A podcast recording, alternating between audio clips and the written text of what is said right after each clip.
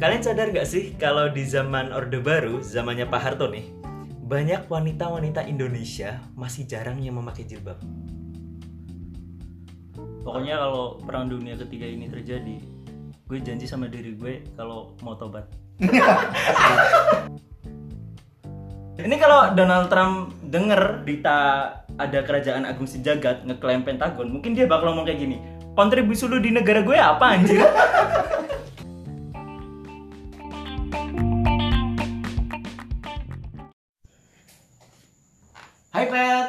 Halo Jet. Waduh, episode pertama nih. Yuhu. Ada siapa nih Pet? Ya, di episode pertama ini kita bakal kedatangan temen temen SMA sekaligus temen waktu kuliah kita di Jogja. Namanya Stio. Setio. Halo, halo, halo, halo. Hai Bang. Halo, Gimana? Jet. Halo, Gimana kamu? Gimana kamu? Baik, baik, baik, baik. Alhamdulillah. Oke ya. Nih. Setio nih teman kita ngobrol dari dulu. Jadi di episode pertama kita akan ngobrol-ngobrol tentang sesuatu yang aktual di internasional maupun nasional. Kamu tertarik nggak Pet? Tertarik banget dong. Yo man. Di sini juga kita belajar bareng apa yang sedang terjadi di dunia bersama Mas Setio. Oke.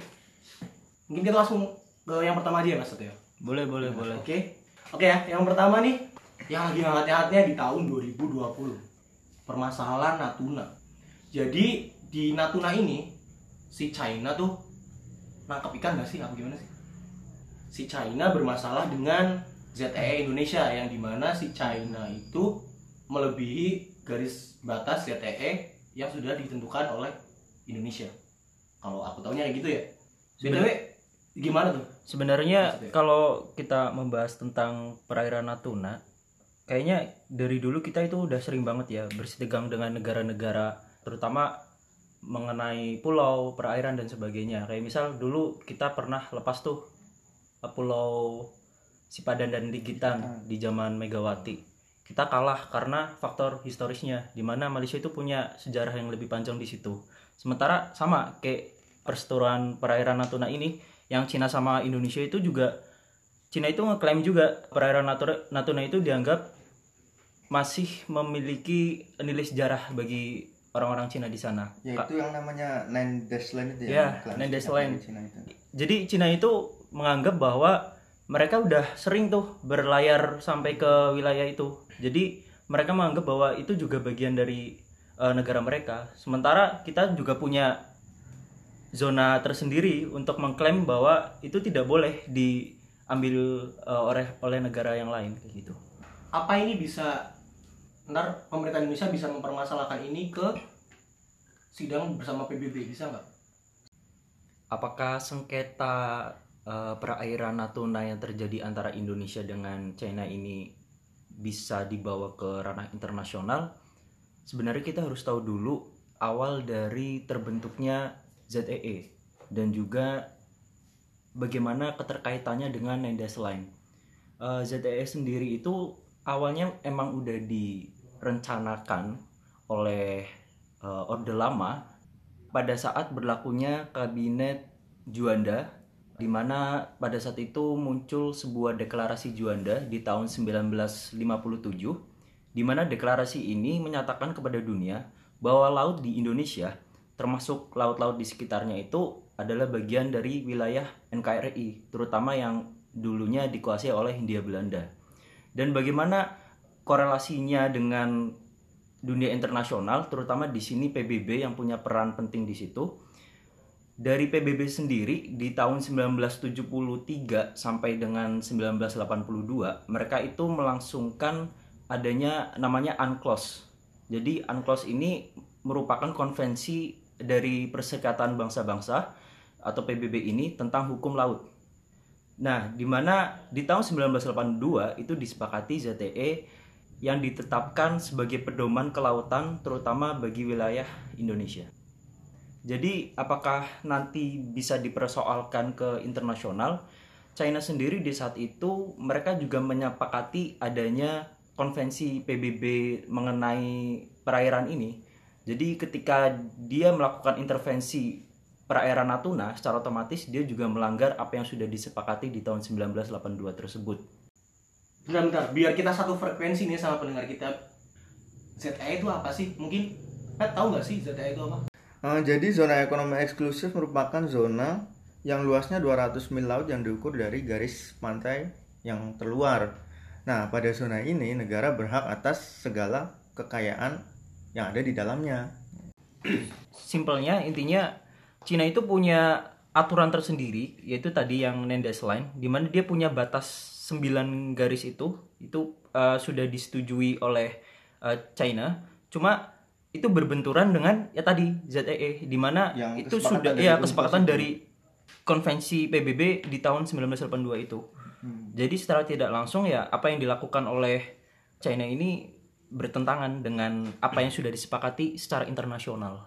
aku ada pertanyaan nih mas China kan luas ya punya wilayah laut sendiri seluas itulah terus ngapain sih mereka jauh-jauh ke sini? Mereka punya punya daerah mereka sendiri bisa nyari ikan di laut-lautnya mereka sendiri. Ngapain sampai Indonesia jauh banget cuy Eh, kita bisa ibaratkan kayak gini misal kita punya rumah kita punya halaman. Ya kita bebas dong buat menyusuri setiap halaman itu. Dan China sendiri kan juga punya aturan di Nendes Line di mana laut Natuna yang daerah utara itu mereka anggap punya mereka. Secara tidak langsung mereka juga berhak dong buat ngambil apa yang ada di sana ya yang jadi polemik kan Line-nya itu ternyata bertabrakan dengan ZTE itu. Ya itu yang jadi polemik kayak Itu gitu yang aja. jadi masalah Ah, jadi masalah kayak gitu. Udah mungkin itu pembahasan kita eh, tentang permasalahan Natuna yang lagi hangat-hangatnya dan di tweet juga sama Bu Susi. Ya itulah aku tahu gara-gara Bu Susi nge-tweet. Karena Bu Susi adalah panutan Q oke Raja laut gitu, ratu laut. ratu laut. Kalau pakai baju hijau hilang. Oke. Oke lanjut. Mitos lama itu. Yang kedua wah ini lagi santer-santernya. Waduh, ini nggak di Twitter nggak di Instagram. Iya ini. di mana pun ya Facebook juga gitu. Dan ini juga yang buat kebanyakan orang merasa bahwa dirinya yang kotor pengen Iya. banget bertobat. Iya, iya anjir. Masuk ke masjid gua habis itu. Tahu, tahu anjir. Ya. Oke, kita akan membahas tentang World War 3. WW Tiga. 3 Oh iya, itu bahasa Indonesia ya lupa. Oke ya. Sekarang kita bahas tentang Perang Dunia Ketiga. Ini Perang Dunia Ketiga nih polemik banget ya, polemik banget. Jadi ini bisa ke-trigger gara-gara si negara Amerika ini nih eh, apa si Trump tiba-tiba nyuruh prajurit- prajuritnya suruh mengebom si Mayor Jenderal Kasim Soleimani memakai pesawat drone. Kalau pesawat drone nggak ada supirnya nggak sih? Pak? Ya, Iya, pesawat tanpa awak. Pesawat tanpa awak kayak gitu ya. Di mana si Mayor Jenderal Kasim Soleimani ini adalah komandan dari pasukan Quds pasukannya si Iran. Nah ini nih mas. Ini Pat ini yang akan kita bahas. Mungkin gak sih ini bisa jadi perang? Karena ini Mayor Jenderal seorang Mayor Jenderal dibunuh oleh negara negara lain tanpa mungkin ada sebabnya sih tapi kalau orang awam melihatnya nggak ada sebab. Pokoknya kalau perang dunia ketiga ini terjadi gue janji sama diri gue kalau mau tobat. Eh lu mau sama gue anjir suban bareng sama gue anjir. dari Gimana nih? Mungkin nggak? yang biasa telat pokoknya bener-bener deh gue ke masjid. Kalau bener-bener ada perang dunia ketiga. Emang segitu dahsyatnya efek dari War 3 gitu ya Gimana nih? Mungkin gak sih bisa jadi perang? kalau kita lihat rentetan eh, peristiwa yang terjadi hingga akhirnya menewaskan sosok orang yang cukup dihormatin di Iran ini, si Soleimani, ini hampir sama seperti apa yang terjadi saat Perang Dunia Pertama. Perang Dunia Pertama itu pemicunya ada seorang kaisar, anak kaisar bernama Franz Ferdinand. Dia dari kekaisaran Austria Hungaria. Dia ditembak oleh seorang simpatisan Serbia bernama Gavrilo Princip. Jadi kenapa itu terjadi? Karena di saat itu kan Austria Hungaria itu merupakan suatu kekaisaran yang cukup besar dan mereka mempunyai eh, jajahan-jajahan termasuk Serbia. Nah, Serbia ini punya tujuan ingin menggabungkan eh, negara-negara yang mereka eh, Austria jajah ini dalam satu kesatuan. Dulu namanya Panslavia. Nah, salah satu caranya itu dengan eh, membunuh Franz Ferdinand ini. Tapi aneh juga kan kalau kita eh, lihat hanya karena orang satu orang tewas itu bisa membuat s- ya dunia gempar dan semuanya ikut berperang. Ternyata di saat itu itu mereka sudah punya teman tersendiri. Negara mana berteman dengan negara mana, negara mana berteman dengan negara mana. Misal kayak Jerman berteman dengan Austria Hungaria, mereka bermusuhan dengan Serbia yang disokong oleh Prancis dan Inggris. Dan itu hampir sama kayak yang terjadi di perang dunia eh, yang akan terjadi di perang dunia ketiga ini. Dalam arti Timur Tengah mempunyai koneksi dengan negara-negara dari eh, negara adidaya ini. Jadi kalau ngelihat konflik Iran sama Amerika yang sekarang memanas ini, sebenarnya konflik itu udah lama terjadi atau emang baru-baru ini aja memanas? Perseteruan antara Amerika dengan Iran ini sebenarnya bukan cerita baru ya. Eh, akar mulanya itu di medio 1950-an AS ini membantu Muhammad Reza Pahlavi untuk menggulingkan rezim Mossadegh di Iran. Nah, Muhammad Reza Pahlavi ini ternyata itu tidak disukai oleh rakyat Iran. Dan puncaknya di tahun 1979 terjadi sebuah peristiwa yang dikenal sebagai Revolusi Iran 1979 di mana revolusi ini digalangkan oleh pemimpin tertinggi Iran saat ini yaitu Ayatollah Khomeini itu. Nah, Ayatollah Khomeini yang berhasil menggulingkan rezim Mohammad Reza Pahlavi yang tadi dibantu oleh Amerika Serikat. Ya, sejak saat itu Iran menjadi negara yang berideologi Islam sekaligus memunculkan sentimen anti-Amerika yang kental akan sekulerismenya. Nah, sekedar informasi aja nih ya. Jadi, revolusi Iran tahun 1979 ini ternyata ada kaitannya loh sama Indonesia. Kalian sadar gak sih kalau di zaman Orde Baru, zamannya Pak Harto nih, banyak wanita-wanita Indonesia masih jarang yang memakai jilbab. Iya Oh, iya. bener. Ya nggak? Heeh. Nah, mungkin bisa ambil contoh ibu kalian. Coba lihat foto-foto lama ibu kalian pasti belum pakai jilbab itu. Iya masih masih model Pakai daster lah ya. iya pakai Iya, kelihatan celana lah. cut bray Iya. nggak pakai jilbab gitu. Nah, jadi nih revolusi Iran di tahun 1979 ternyata mempunyai andil cukup besar mendorong eh, rasa solidaritas umat Islam di Indonesia untuk melakukan suatu pembaruan yang sama. Ya, salah satunya dengan penggunaan jilbab ini. Ya, jadi memang Amerika Serikat ini selama perang dingin hobinya itu ikut campur urusan negara-negara berkembang. Misalkan di Kuba, dia mendukung rezim Batista sebelum ditumbangkan oleh Che Guevara, salah satu tokoh sosialis. Dan yang paling deket nih di Indonesia kita tahu Amerika ini punya andil dalam keberhasilan Pak Harto dalam tanda kutip nih ya melengsarkan Bung Karno. Lah, tapi kan ini loh. Bukannya Amerika sama Iran tuh sama-sama memerangi ISIS ya? Bukan cuma Iran sih, negara-negara di Timur Tengah. Tapi kan salah satunya Iran. Bukannya harusnya kalau memerangi itu harusnya bersama-sama ya? Nah, punya satu tujuan yang sama Iya. perang melawan ISIS. Iya, memang Iran dan juga Amerika Serikat itu sama-sama memusuhi ISIS, tapi dalam konteks lain mereka juga mempunyai eh, hal yang berbenturan. Kita tidak bisa menganggap bahwa negara satu dengan negara lain ketika dalam suatu hubungan mereka baik, di hubungan yang lain juga akan baik. Misal ada negara A dengan negara B, ketika negara A dan negara B ini bekerja sama dalam ranah perdagangan, belum tentu mereka juga cukup baik dalam urusan perairan atau mungkin politiknya seperti itu. Kalau begitu berarti ideologi sebegitu ngaruhnya dong ke perang. Jadi kita harus memisahkan gak semuanya negara-negara Timur Tengah itu membenci Amerika. Itu yang eh, dasar orang-orang harus tahu. Karena kita tahu misal kayak Israel, eh, mereka termasuk dari kawasan Timur Tengah, tetapi Israel ini dapat sokongan dari Amerika dan dimusuhi oleh banyak negara-negara di Timur Tengah, terutama yang Islam.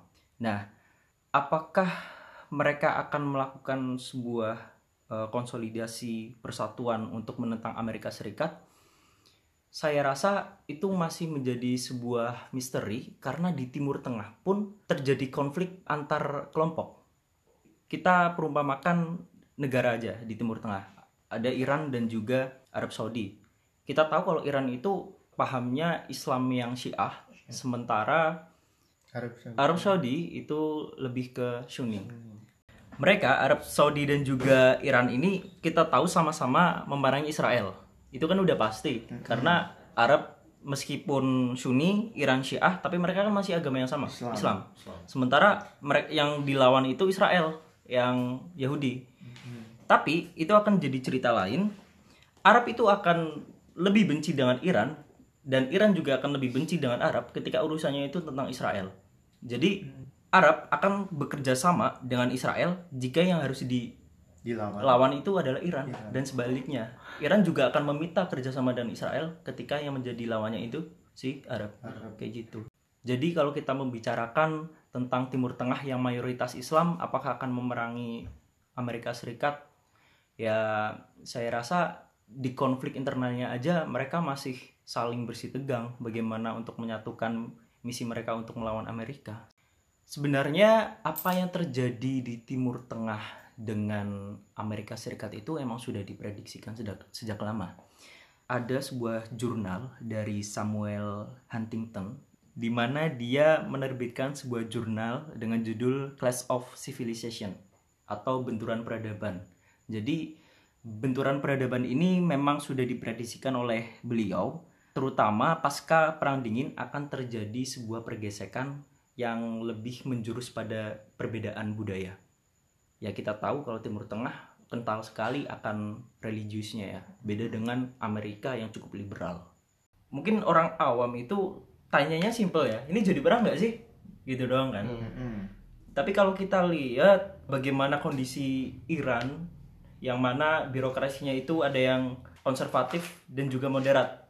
Biasanya yang konservatif ini kan menginginkan negaranya itu tidak melakukan suatu perubahan yang signifikan. Sementara yang moderat ya mereka sedikit terbuka.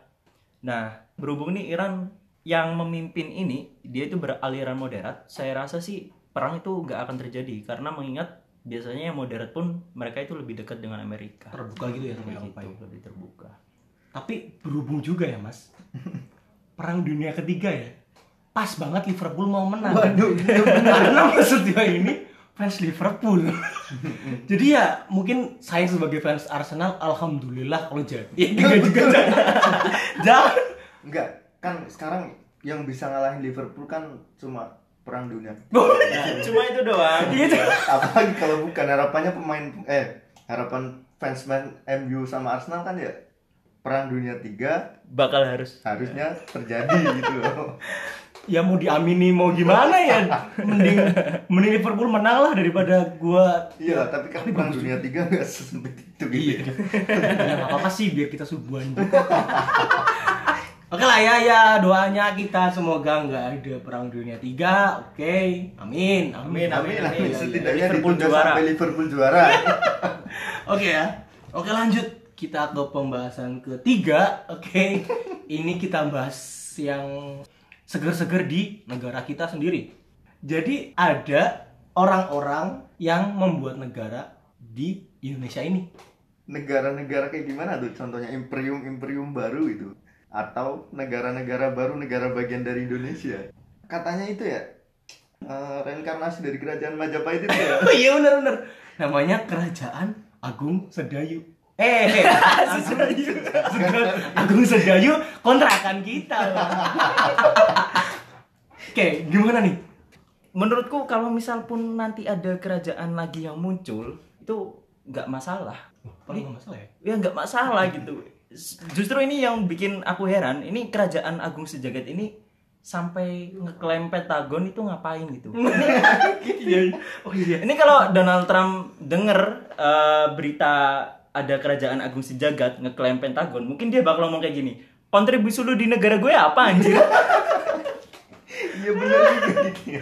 Tapi yang gue heran ya, kenapa masih banyak juga itu orang Indonesia yang jadi pengikut kerajaan-kerajaan yang notabene itu kerajaan fiktif gitu yang mana ada gitu ne- negara eh kerajaan yang ngaku bahwa Pentagon dibawahi sama kerajaan itu gitu loh secara negara itu di Indonesia eh kerajaan itu di Indonesia dan Pentagon itu basisnya tuh di dunia gitu loh Lu belum pernah desperate, Bambang. Orang desperate apa-apa dibohongin mau itu. gitu ya Iya, berarti cuy. ya. Eh, gini nih. Nggak cuma ada kerajaan Agung Sedayu doang. Eh, Agung Sedayu. lagi. Agung Agung Sejagat. Indonesia. Agung apa sih? Agung sejabat. Agung apa? Sejagat. Agung si jagat. Jadi kemarin gua lihat nih di Twitter ada keluar kerajaan lagi kan Apaan tuh? namanya Sunda Plava eh, Sunda Plava Sunda Aduh, nggak serius udah ampun gara-gara tadi nih buat Gortri nih. Namanya Sunda Empire. Kalau menurutmu beneran beneran nggak sih kerajaan Agung Sejagat. si Jagat ini ada korelasinya sama si kerajaan Majapahit? Justru aku lebih menyoroti munculnya kerajaan-kerajaan ini mungkin sebagai bentuk protes mereka terhadap sistem pemerintahan Indonesia pada saat ini. Oh iya benar. Beberapa waktu yang lalu sempat dibahas di salah satu stasiun TV swasta terkenal oleh seorang pakar bernama Sujiwo Tejo kalau nggak salah. Beliau menyebutkan bahwa eh, munculnya kerajaan-kerajaan yang baru di Indonesia saat ini mungkin suatu respon terhadap kebosanan demokrasi. Barangkali rakyat mungkin lebih merindukan sosok raja daripada seorang presiden.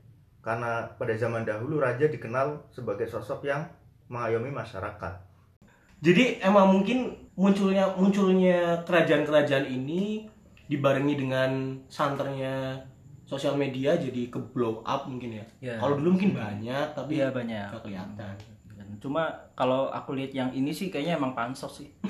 Iya iya. Kita barangkali kita bisa aja gitu bikin kerajaan Iya. tiba-tiba Pokoknya aku dari- ngaku sebagai raja gitu ya aku keturunan ke-21 dari cicit-cicitnya Majapahit itu ya Tapi mending sih orang-orang saat ini tuh lebih pengen ngaku jadi raja daripada ngaku jadi Tuhan kan. iya Oh iya. Gua ada ada hot take nih tentang Sunda Empire nih. Jadi ada orang di Twitter yang bilang di negara ini lebih gampang bikin kerajaan daripada bikin KTP. bener juga Aduh. Karena KTP dengan bikin kerajaan mereka justru eksistensinya diakuin Oh, daripada iya. bikin KTP. nggak perlu bikin KTP Iyalah. gitu ya tambah-tambah terkenal lagi gitu ya Ah, Iya. Aduh, pakai baju militer. Oke deh ya. Ya pokoknya sukses terus yang bikin kerajaan. Udah di penjara. Oh, dari penjara ya? Udah. Iya, semoga bisa bisa bikin Atlantis. Oke ya, seru banget sumpah ini kita bahas tentang apa yang sedang hangat-hangatnya hangat-hangat di dalam negeri. maupun di luar negeri Yuk.